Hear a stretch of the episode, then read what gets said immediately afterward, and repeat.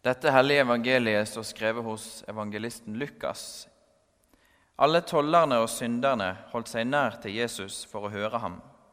Men fariseerne og de skriftlærde murret og sa seg imellom.: Denne mannen tar imot syndere og spiser sammen med dem.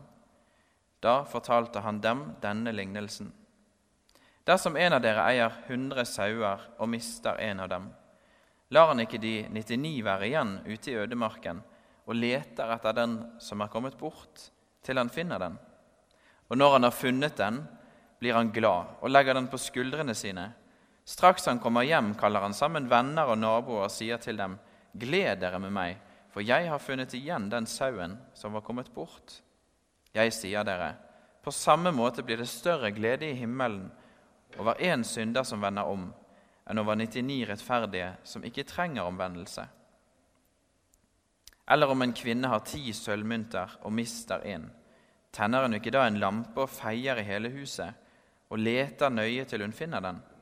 Og når hun har funnet den, kaller hun sammen venninner og naboer og sier, Gled dere med meg, for jeg har funnet igjen det pengestykket jeg hadde mistet. På samme måte, sier jeg dere, blir det glede blant Guds engler over en synder som vender om. Slik lyder det hellige evangeliet. Neste uke skjer det, folkens.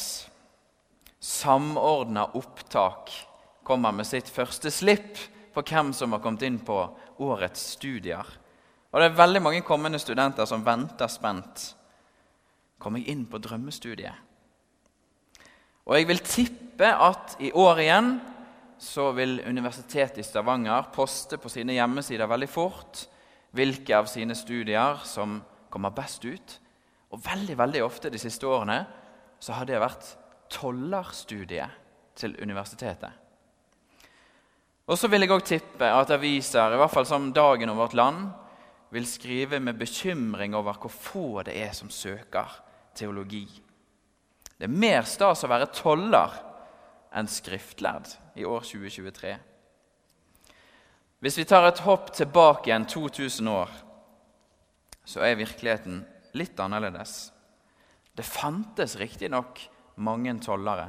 For når Herodes den store døde, så ble hans rike delt i fire. Og så var det en fjæringsdels fyrste over hvert av disse rikene i denne pitte lille, dette bitte lille geografiske området som Jesus er i. Så vi må se for oss et land der det var tollboder og tollere overalt, nesten, uansett hvor du skulle gå. Men tollerne er ikke populære. Tollerne de handler med penger, de treffer alle slags fremmede, og de er sterkt mislikt fordi at de tjener disse pengene på vanlige folk flest. Tollere og syndere er på en måte en beskrivelse av mennesker som ikke verken vil eller prøver å leve rettferdig, sånn som skriftlærde og fariseere legger vind på. Vi er vokst opp, tror jeg, de fleste av oss, til å være litt skeptisk til de skriftlærde og fariseerne. Når vi hører om de, Hva ser vi for oss da? Når vi hører om de skriftlærde og fariseerne som murrer, så tror jeg nesten at vi ser for oss en sånn flokk med, flokk med ulver som knurrer og er sinte. Men de skriftlærde og fariseerne de var virkelig populære på Jesus' sin tid. Og jeg tror kanskje at de har fått et nesten litt ufortjent dårlig rykte. Karikert som sjølrettferdige, litt sånn slemme folk. I virkeligheten så tror jeg kanskje vi ville kalt den gjengen for de kjekke.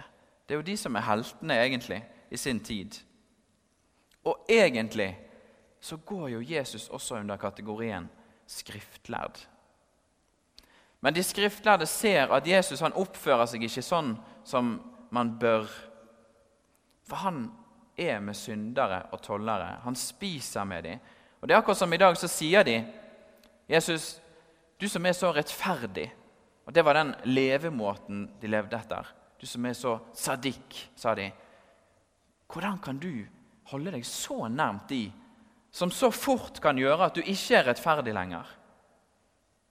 Det er egentlig det de spør om. For Jesus går utenfor den rammen som er etablert. Alle toller og syndere holdt seg nær for å høre ham. Det er det som er realiteten. Det er det fariseerne og de skriftlærde ser. Det er noe som skjer her. Og Lukas er jo den evangelisten som har gitt oss søndagsskolehistorien fremfor alle om den lille Sakkeus. Det er kanskje derfor vi har litt sympati med tollerne, for vi ser for oss en sånn liten, koselig mann. Sakkeus var nok en ganske grisk og vanskelig type.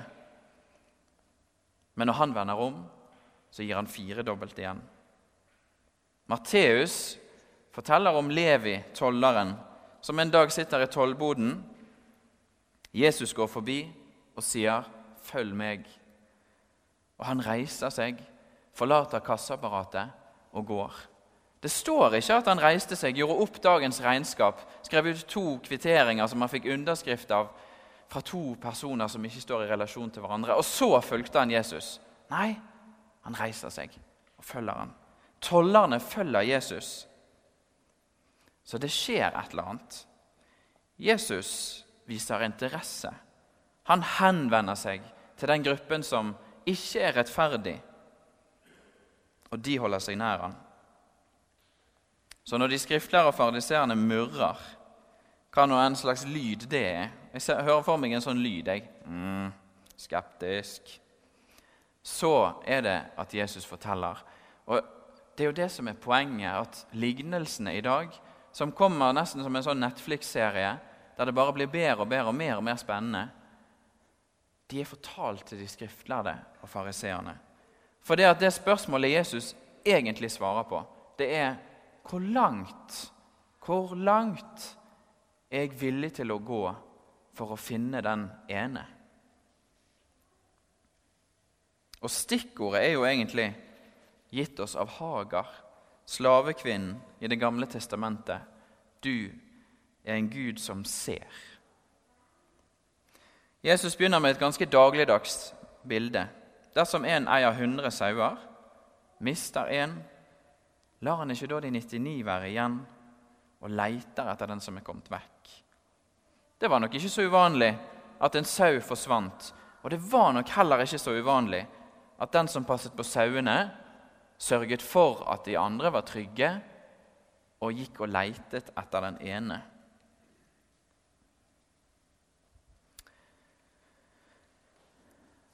Lignelsene har ofte to lag. Det første laget er dette hverdagslige. Hvis vi nå var sauebønder, så ville vi synes at dette var stor stas. Jesus snakker til oss med vårt språk. Men det er også noe under. Og De fleste som hørte på, de var opplært i en tradisjon der de visste at den gode hyrden det er en helt sentral, et sentralt bilde av Gud. Herren er min hyrde. Jeg mangler ingenting. Han lar meg ligge i grønne enger. Han leder meg til vann der jeg finner hvile. Han gir meg nytt liv, osv. Jesus er hyrden som leiter og leiter etter deg og meg. For du er en Gud som ser. Etter den første lignelsen så ser jeg for meg at Jesus rettet seg opp og kikket over skuldrene til fariseerne og tollerne og synderne og de skriftlærde. Og bak de litt sånn i utkanten, så satt konene deres og barna. Og så ser han på en Og så sier han Eller se for dere en kvinne som har ti sølvmynter og mister én. Krise. Kanskje òg et ganske vanlig situasjonsbilde. En av myntene er vekke. Den trenger hun for å leve til neste dag sammen med sin familie. Hun leiter, og hun finner. Nå var det lett å se parallellen med den gode hyrden. Men hva nå, da? Jo, i skapelsen så sies det, så står det, at Gud skapte i sitt bilde. Som mann og kvinne skapte han mennesket. Det vil altså si at i hans bilde så fins det begge egenskaper.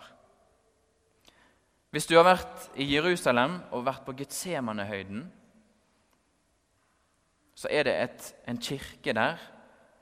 Og inne der er det et alter der det er i alterbildet, eller framme på alteret, altså her, så er det lagd et mosaikkbilde i stein av en høne som har samlet kyllingene sine under sine vinger. Fordi at der sto Jesus og sa Hvor ofte har jeg ikke hatt lyst til å samle deg, Jerusalem, og barna dine, som en høne samler sine under sine vinger.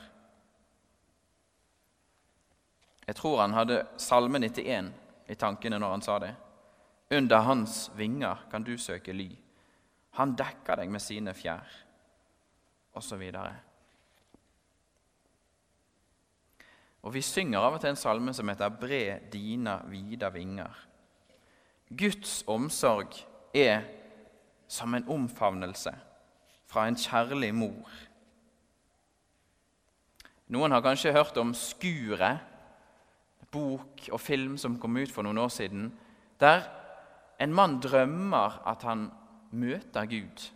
Og En av de virkelig provoserende tingene med denne boken her, det er jo nettopp det at Gud Faderen er en kvinne i denne boken.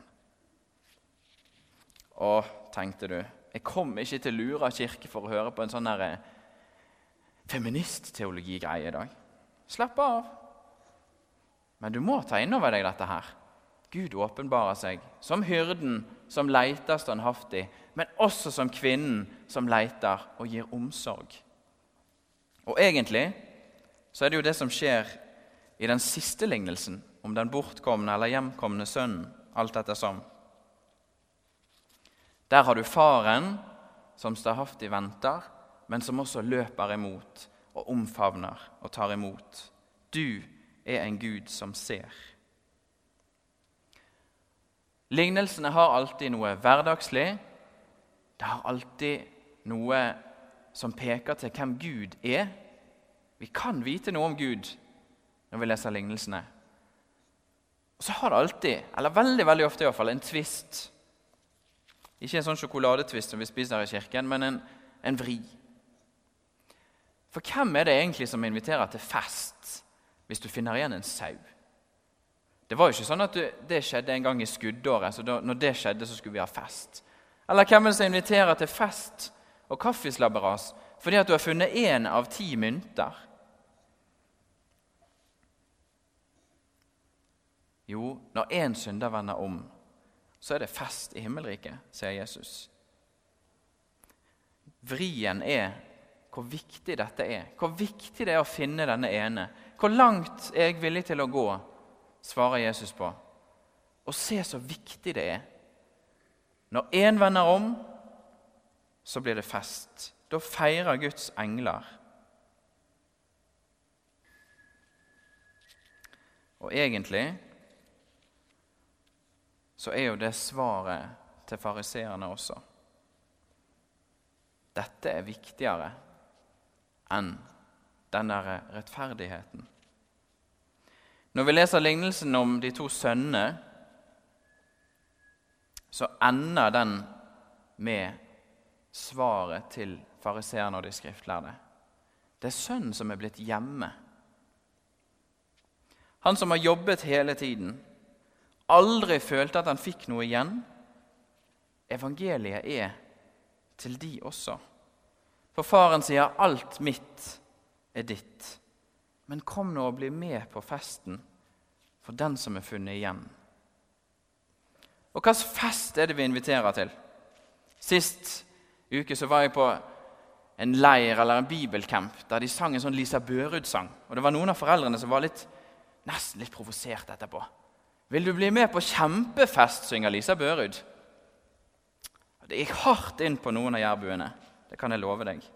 Fest? Jo, han inviterer til fest. Og hvorfor? Jo, apostelen Johannes sier Ved dette ble Guds kjærlighet åpenbart blant oss. At Gud sendte sin enbårne sønn til verden for at vi skulle leve ved Han. Ja, dette er kjærligheten. Ikke at vi har elsket Gud, men at Han har elsket oss og sendt sin sønn til soning for våre synder. Det er sånn som jeg ofte har sagt ja, det er et alvorlig budskap, men det er òg et enormt gledesbudskap. Evangelion, den gode nyheten. Til soning for våre synder, for vår skam, for vår sykdom. Den store hyrden bærer alt det til korset. Og Hvis vi tenker på sauen i lignelsen, ja, så blir han ofret som et lam. Og hvis vi tenker på mynten i lignelsen, så kjøper han oss fri. Det er det lignelsen betyr.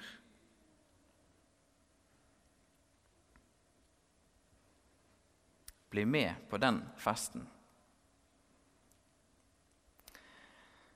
Hvis vi nå hopper 2000 år fram i tid igjen, så vet vi jo egentlig veldig godt at det har ikke så mye å si. I Guds rike så har det ingenting å si hvilken utdanning du kom inn på, eller har gjort eller ikke gjort hele livet. Vi vet at vårt kall uansett er har Gud elsket oss, så skylder vi også å elske hverandre. Og vi vet, og det har vi lært av Martin Luther, at det vi gjør, og den vi er, det er vårt kall. Som foreldre, som sønn eller datter eller bestefar og bestemor osv. Det er vårt kall. Og Vi vet òg at vi alle er prester, for det har den store biskopen i Bibelen sagt, Peter. Han sier at vi er et kongelig presteskap, et hellig folk, et folk som Gud har vunnet. I dag kunne vi sagt 'funnet', for at vi skal forkynne Hans storverk. Å forkynne Hans storverk, det høres voldsomt ut. Men det handler om å vitne. For er vi kalt til å elske hverandre, så er vi også kalt til å vitne om det. At Gud leiter, og Gud gir seg ikke før han finner, fordi han har elsket deg først. Og Så var det jo en grunn til at jeg snakket om samordna opptak i dag. For jeg har et ønske fra dere. Jeg har et ønske om, eh, om du kan legge til noe i kveldsbønnen din. For det er nemlig sånn at i Norge så blir det faktisk færre og færre og færre prester. Og det er en slags krise. Fordi at det er nå engang sånn at gjennom hele kirketradisjonen så har Kirken sett for seg at noen er den personen som leiter. Den personen har sjøl blitt funnet av Gud og skal gi videre det den har funnet. Vi kaller dem for prester, forkynnere, pastorer, misjonærer, you name it. Det blir færre og færre og færre. Vi er i ferd med å bli en sjelden rase. Og jeg vet at det kan sitte langt inne for en, eh, i hvert fall en lavkirkelig rogalending å legge til 'Kjære Gud, send oss flere prester' i kveldsbønnen. Men ha det med i tankene når du òg ber, for det trengs. Kjære Gud, send oss flere prester som kan forkynne ditt evangelium. Ta med deg evangeliet i dag. Du er funnet. Du er tilgitt, høyt elsket av Gud. Så er utfordringen hvem kan du prate med, eller be for, eller oppmuntre med håp og tro i de dagene som kommer? Ære være Faderen og Sønnen og Den hellige ånd, som var, er og blir, en sann Gud fra evighet og til evighet. Amen.